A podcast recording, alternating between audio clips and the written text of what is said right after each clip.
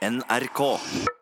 Og Utakt byr på både varme og godt humør i et iskaldt Norge en tirsdag formiddag. Ja, det gjør vi. Men du, Ja. hvis jeg hadde vært riksmeklingsmann, jeg tror jeg hadde klikka i vater. Jeg hadde gått komplett bananas. Jeg hadde blitt kjempesure. Da tenker jeg det er greit at det ikke er du som er riksmeklingsmann.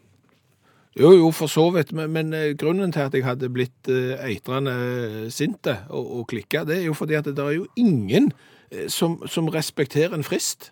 Nei. Hva frist tenker du på da? Nei, altså nå sitter jo eh, de Bane NOR-ansatte og, og forhandler eh, på, på overtid. Langt på overtid, det er vel noe sånn 10-11 timer på, på overtid for å unngå en, en jernbanestreik. Sant? Og fristen var med midnatt, og de sitter jo der og mekler ennå. Og av alle meklingene du har hørt om de siste åra, eh, hvor mange er det som liksom eh, har- har mekla på overtid? Alle. Ja. Så ja, jeg kan ikke komme på noen som er ferdig i tide. Det er Nei. alltid på overtid. Ja, det skal liksom det, Vi mekler fram til midnatt. Og så vet jo alle at det, det er jo ingenting som Det gjør ikke noe om vi egentlig mekler lenger enn til midnatt heller. fordi det er jo blitt så vanlig med, med overtid. Det er jo litt som at du skulle ha en eksamen på, på universitetet. Og oppgaven må være levert inn eh, klokka to. Klokka to blank. Ja, eh, Klokka to så er ikke du ferdig. Nei. Nei. Nei, nei, men det er greit. Innleveringsfristen den var klokka to, men det er ikke så farlig. Du leverer når det passer deg, du. Når Så- du er klar, Ja, ja. Jeg skal levere selvangivelsen min. sant? Bestemt dato, bestemt klokkeslett. Hvis han ikke er inne ved midnatt da, så er det løpet kjørt. Hvis det passer. Ja. Ja. Drar det ut, så drar det ut. Dra, dra, drar det ut, så, så, så drar det ut. Ja. Eh, tid skal jeg være hjemme i kveld, mamma? Eh, Du må være hjemme midnatt. Senest midnatt. Ja. Med mindre du ikke klarer det, da, for da kommer du hjem etterpå. Da kommer du når det passer. Det er jo ikke sånn! Nei. Og det er klart, at hvorfor eh, skal de mekle på overtid? Det er jo ingen som tror på den der meklingsfristen lenger. Utvanna. Og jeg tenker jo også at vi vet jo hvordan vi blir. Når, når, når eh, timene går, og det blir langt på natt, og det blir neste dag. Vi blir trøtte, og vi blir sure, og blodsukker og alt det sammen. Så jeg mener at de avgjørelsene du skal fatte i den tilstanden, der er ikke nødvendigvis de i all verden heller. Nei. 10-11 timer på overtid nå. Du vet jo hvordan jeg hadde vært. Ja, jeg vet det. Ja, Du hadde ikke vilt forhandle med meg. Nei. Du skal i seng til Kveldsnytt, du. Ja, Så egentlig så burde alle meklingsfrister være satt omtrent til Kveldsnytt Ja. for å få det mest, best mulige resultatet. Nei, men jeg bare tenker, jeg tror jo at det, det er mangelen på ris bak speilet her eh, som gjør at folk ikke blir ferdige. Et tenkt eksperiment. Her sitter du og forhandler, arbeidsgiver og arbeidstaker med en me- me- meklingsmann i midten og ei skisse, et eller annet. Hvis du hadde visst at idet meklingsfristen går ut, f.eks. ved midnatt, så vil det begynne en ulmebrann under forhandlingsbordet. Tror du du hadde blitt ferdig? Enten hadde du blitt ferdig, eller så hadde det vært brudd før midnatt. Jeg tror de hadde skifta rom, jeg. Nå ødelegger du et godt resonnement her, men, men tror du ikke at hvis det hadde vært et ris bak speilet, så hadde du klart å blitt enten A ferdige, eller liksom finne ut at nei, vi er ikke enige, tror, takk for i dag. jeg tror kanskje hvis det riset bak speilet hadde handla om økonomi som gagna både arbeidsgiver og arbeidstaker, da hadde de blitt ferdige. Hvis noen kunne sagt at det eksempel var en sånn der eh, bli tidlig ferdig, premiepott. Oh, ja, sånn ja. ja. Jeg vet ikke hvem som skulle finansiert det. Jeg kunne eksempel hatt skrabelodd. ja. Altså, Hvis dere blir ferdige til fristen, så skal samtlige få hver sitt skrapelodd. Eh, mulig du ikke vinner, kanskje får du 25 kroner. Er du kjempeheldig, så, så får du enten en ny bil eller en million. Eh, Klart det er insentiv, det. Ja. Eller kunne du fått inn eksterne sponsorer da, som, som tilbyr hurtigsvarpremie? ja.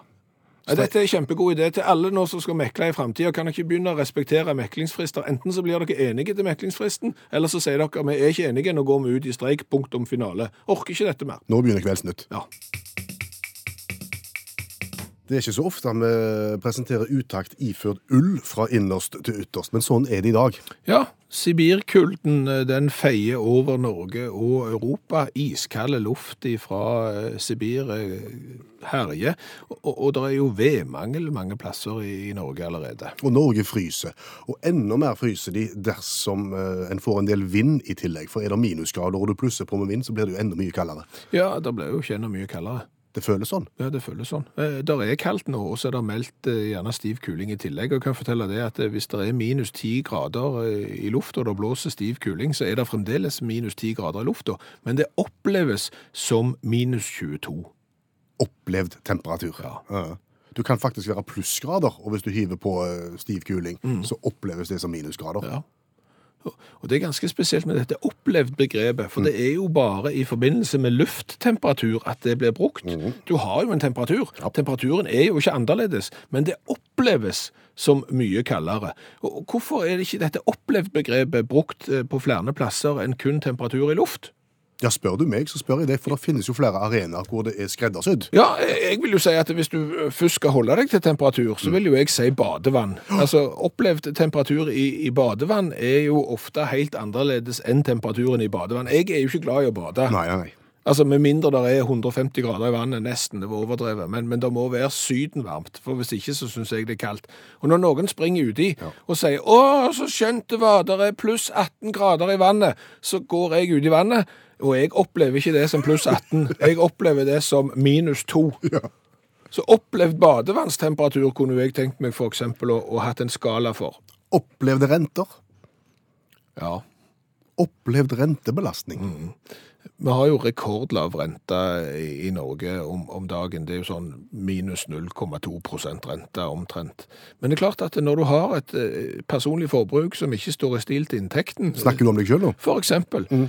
så det er klart at eh, når du skal betale renter på det der skyhøye lånet, så oppleves det ikke som om renta er rekordlave. Det oppleves som om man er rekordhøy. Ja, det er rett og slett provoserende å lese om rentefesten. Ja, Ja. så, en ting er liksom, du har jo, når du skal låne penger, så får du vite hva renta er. Ja.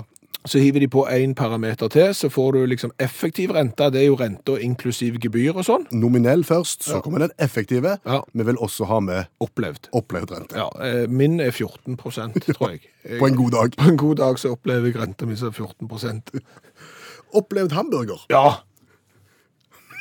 Den er det ikke sikkert alle tar. Nei.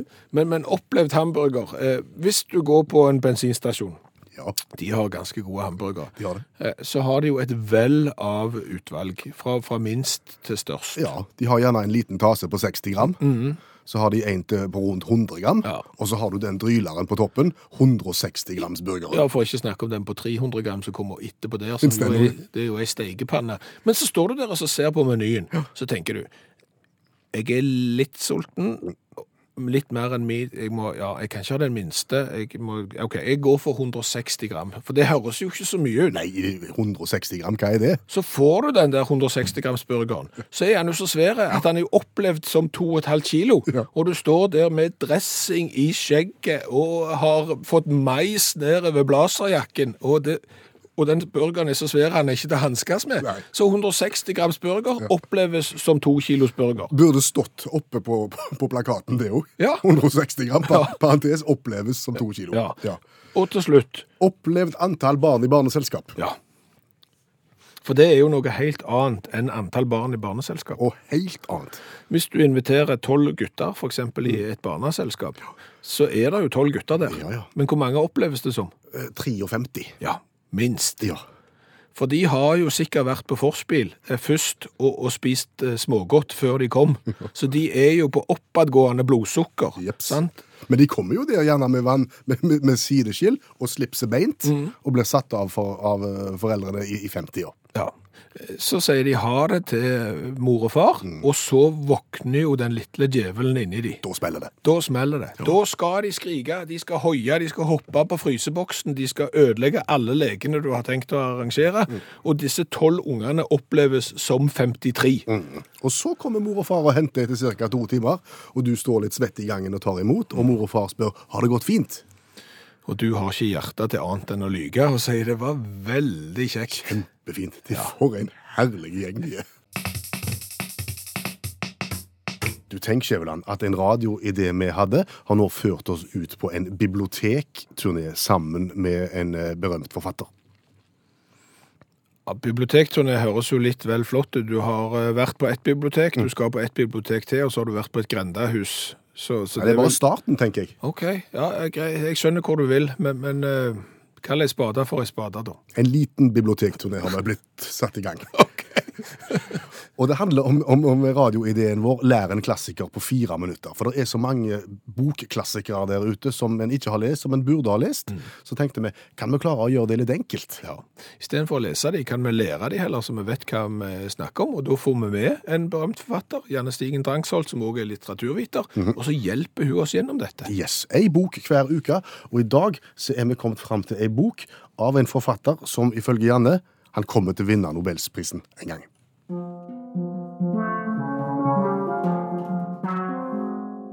En Q84 fra 2010 av Haruki Murakami. En leiemorder ved navn Aomame havner i en alternativ virkelighet hvor det er to måneder.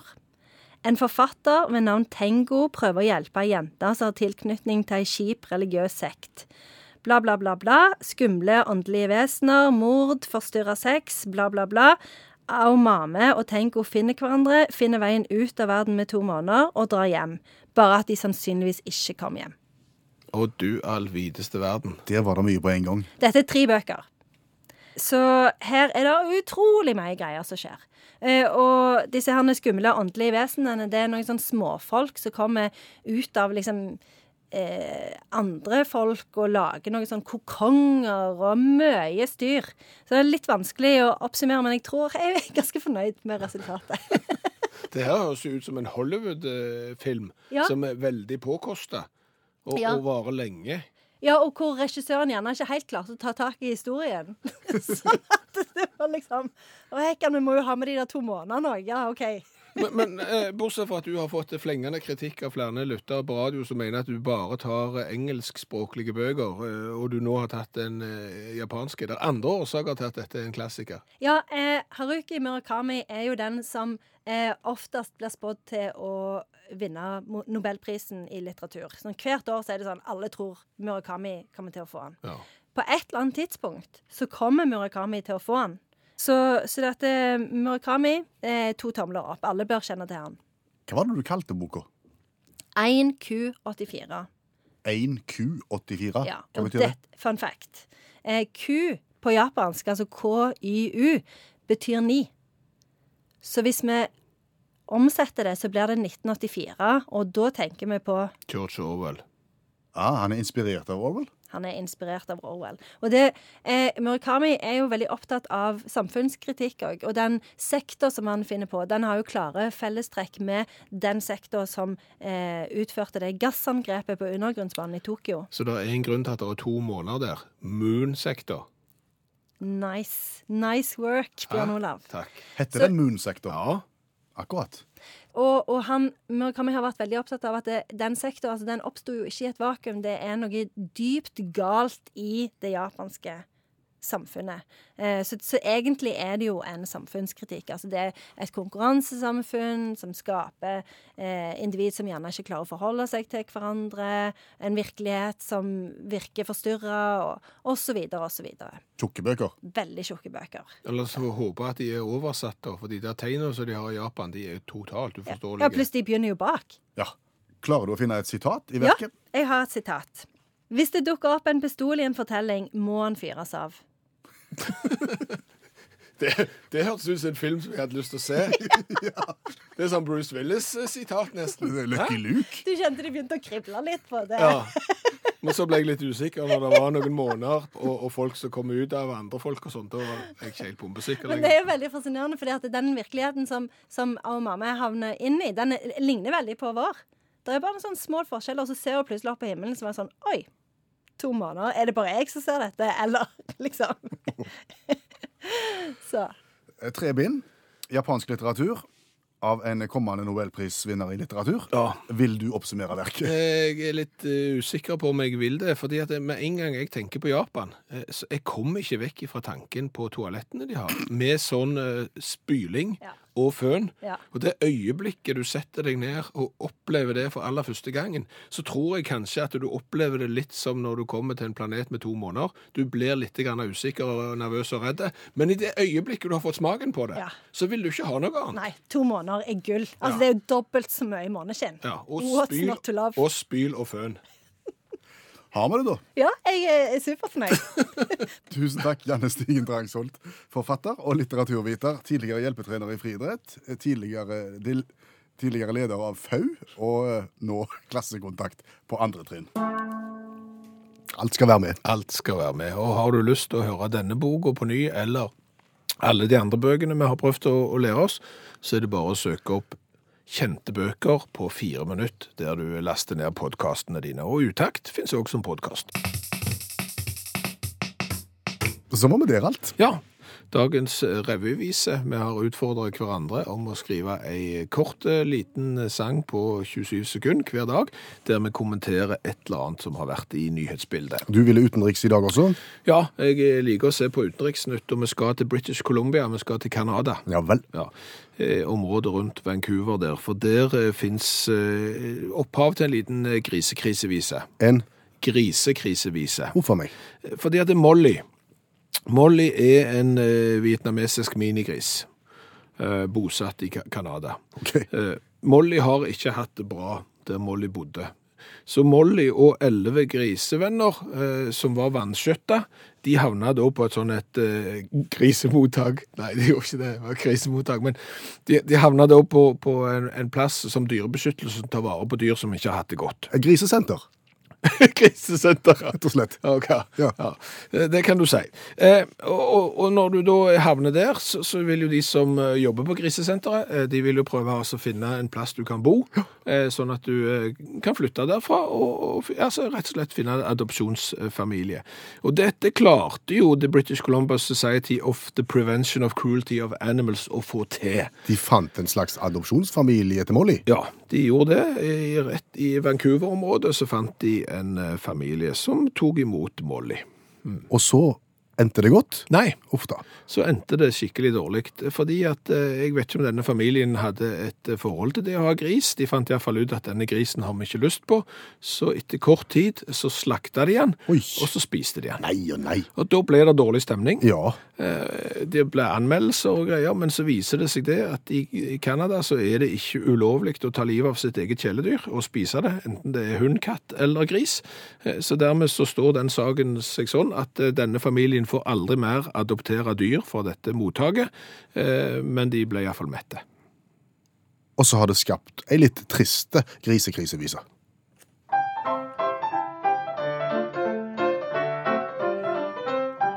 Grisen Molly ble reddet og havnet på et hjem for pinte plagede og torturerte husdyr.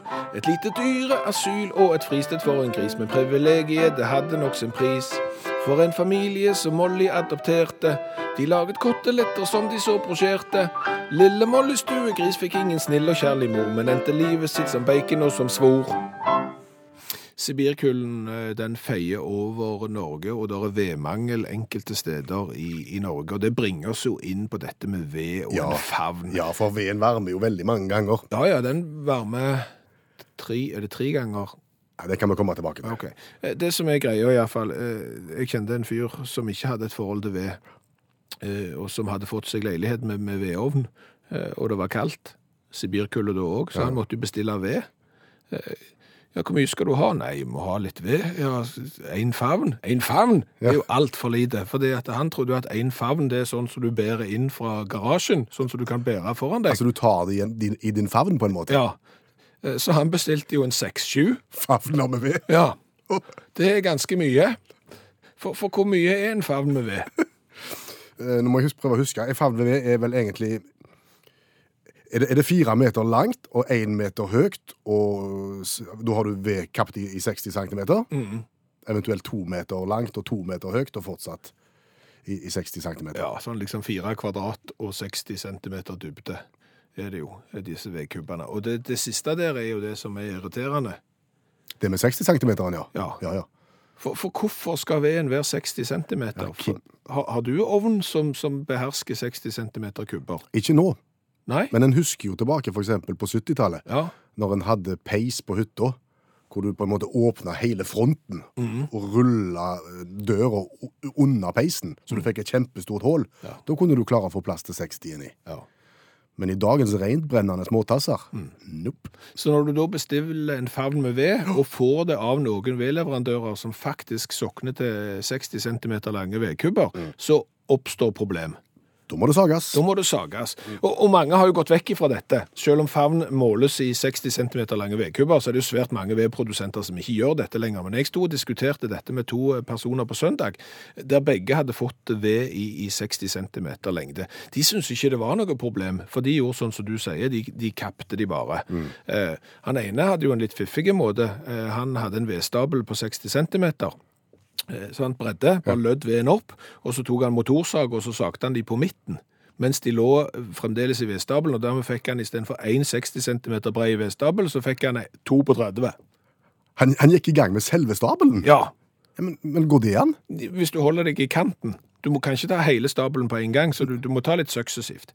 Men, men, det er jo da jeg tenker Altså, disse som produserer ved i 60 cm kubber, ja. de har jo tatt et tre, så har de eh, lagt det ned og gjort sånne ting som de skal gjøre med det. Mm. Og så har de kapt det opp i 60 cm.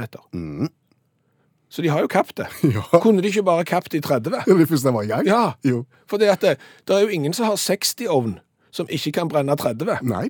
Men det er mange som har 30-ovn som ikke kan binde 60. Ja, ja. Så, så, dette er jo bare en henstilling til de som fremdeles sitter igjen på dette 60 cm-gjerdet, om å hoppe ned fra det, ned på 30 cm-gjerdet, og gjøre verden mye lettere for alle. Om dette kan ha noe med økonomi og vekt å gjøre? At uh, når en stabler i 30, mm. så ligger ting tettere sammen, og det blir mindre luft, og det, det blir mer ved. Jeg ikke greie på det. det er konspirasjonsteori. Det er konspirasjonsteori, men jeg tror uansett jeg, får, jeg, vil bare oppfordre alle som er vedprodusenter å gå over fra 60 til 30, eller kanskje 25 for den saks skyld. Eller to ganger 20, eller kortere kapp. Men der vi begynte, hvor, hvor, hvor mange ganger varmer egentlig veden? De sier jo tre. Ja, og altså, Det er jo riv ruskende gale. Ja, ja, varmer mye. For, for de, de, de, sier at han varmer liksom når du kapper han, og når du kløyver han, og når du bærer han inn. Mm. Han gjør jo ikke det. Først så varmer han jo når du kapper han. Ja. Eh, så varmer han når du kvister han. Ja. Så varmer han når du kapper opp eh, stokkene i mindre stokker. Mm. Så varmer han når du kløyver han.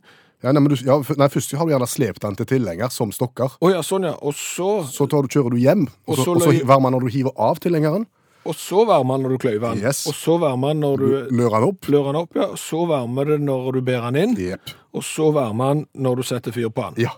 Hvis du har god nok trekk i peisen. Ja. ja. Og så varmer den når du bærer ut aska etterpå. Ja, det er ti-tolv ganger.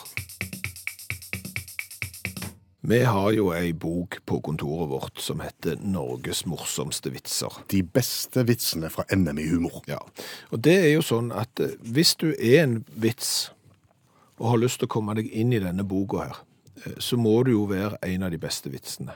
For disse vitsene er jo henta fra NM i humor. Det vil si at for å få lov til å havne mellom de to permene der, så må du først kvalifisere deg til NM i humor. Ja, ja, det er mange som ryker i den kvaliken der. Ja, ja. Der er det sånn at da, da skummer du fløten, og så hva, hva er det som igjen når du har tatt vekk fløten? Mysen. Nei, okay. Da, da, da, da er det Drevja eller Mysen som ikke får være med, og så går fløten videre til, til NM i humor. Ja. Og der er det jo et vell av vitser som er med i NM i humor. Og alle de vitsene som er med i NM i humor, får jo ikke lov å være med i boka 'Norges morsomste vitser'. Nei, nei, det er bare de beste vitsene fra NM i humor ja. som havner i den boka. Så der er det jo et nytt nåløye ja. som en eller annen kamel må gjennom. Mm. sant? Og, og, hvordan velger vi ut for noen som er gode nok? Altså, Da sitter det en to portvakter ved det nåløyet. Ja. Arve Oppsal og Svein Byring. Ja, Karsten Byring, vel. Nei, Svein Byring.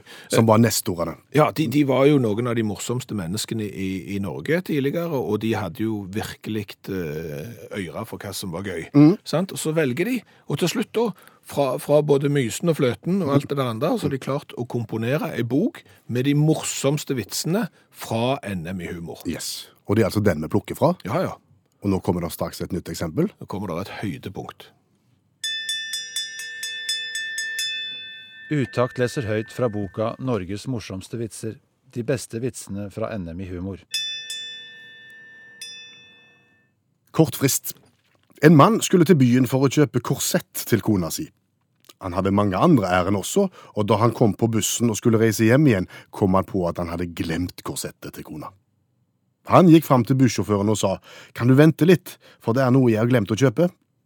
Ok, sa bussjåføren, men jeg står bare i ett minutt. Hvis du ikke er kommet tilbake da, så kjører jeg. Og mannen løp av sted til nærmeste undertøysbutikk, og der sto en ung ekspeditrise og pakket opp truser. For å gjøre det kort og fort så ropte mannen, ned med trusene, opp med korsettet, det står bare i ett minutt.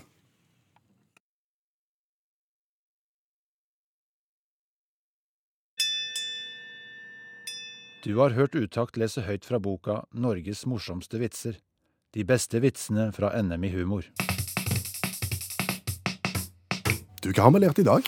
Vi har lært kolossalt mye i dag. Ja, jeg må si det. Vi har jo blant annet lært litt om ved. Ja, Vi var jo veldig kritiske til at ved kommer i 60 cm vedskier. Eh, Noen leverer de det, og vil ha 30. ja for de er litt vonde å få inn i ovnen. Ja, men der er Geir og flere har sendt melding, og kan jo fortelle det at hvis du kapper veden i 30 cm, så får du jo dobbelt så mange vedskier som du skal lø opp. Ja, Eh, Og i tillegg så blir vedstabelen langt mindre stabile. Du, du får halvert støtteflaten. Så det er årsaker og gode grunner til at veden er i, i 60, og vi legger oss om ikke langflate, så iallfall skrå. ja, litt på skrå. vi. Så har vi jo lært litt om mekling og meklingsfrist. Mekling på overtid, det gjør de alltid. Ja, eh, og vi tror jo at så lenge det ikke er et ordentlig ris bak speilet der, at når du har satt en meklingsfrist, så må du være ferdig til det. Du kan ikke vanne ut dette her. Det er jo ikke sånn at skal du skrive norsk stil og skal levere den inn klokka to, og du ikke er ferdig, så sier de ja, ja, greit, det du leverer når du selv har lyst. Det er jo ikke sånn. Nei. Her må det mekles, og så enten så blir du enige, eller så ender det i en konflikt, og hold, hold meklingsfristene.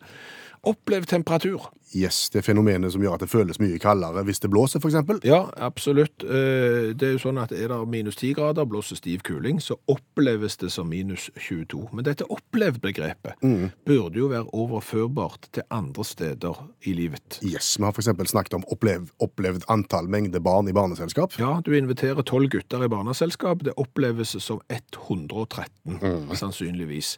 Eh, Det er sånn. Og eh, Jonny, han har jo da òg lyst til å bruke opplevd-begrepet sitt. Ja. Eh, Fordi at han har jo opplevd at dama er fine. Helt til han våkner neste morgen. Da ser han at det var et- opplevd utseende. Det var ikke fint sagt det, Jonny. Nei, eh, og Jonny tar selvkritikk. Eh, Han, han ser for seg at det blir sofaen framover på han. Og helt til slutt så har vi lært det at Canada nå nok kommer til å se nøyere på de som skal være adopsjonshjem for vanskjøtte dyr. Grisen Molly havna i et adopsjonshjem i Vancouver. Istedenfor å passe på Molly og gjøre forholdene til rette, så slakta de Molly og spiste henne opp. Hør flere podkaster på nrk.no podkast.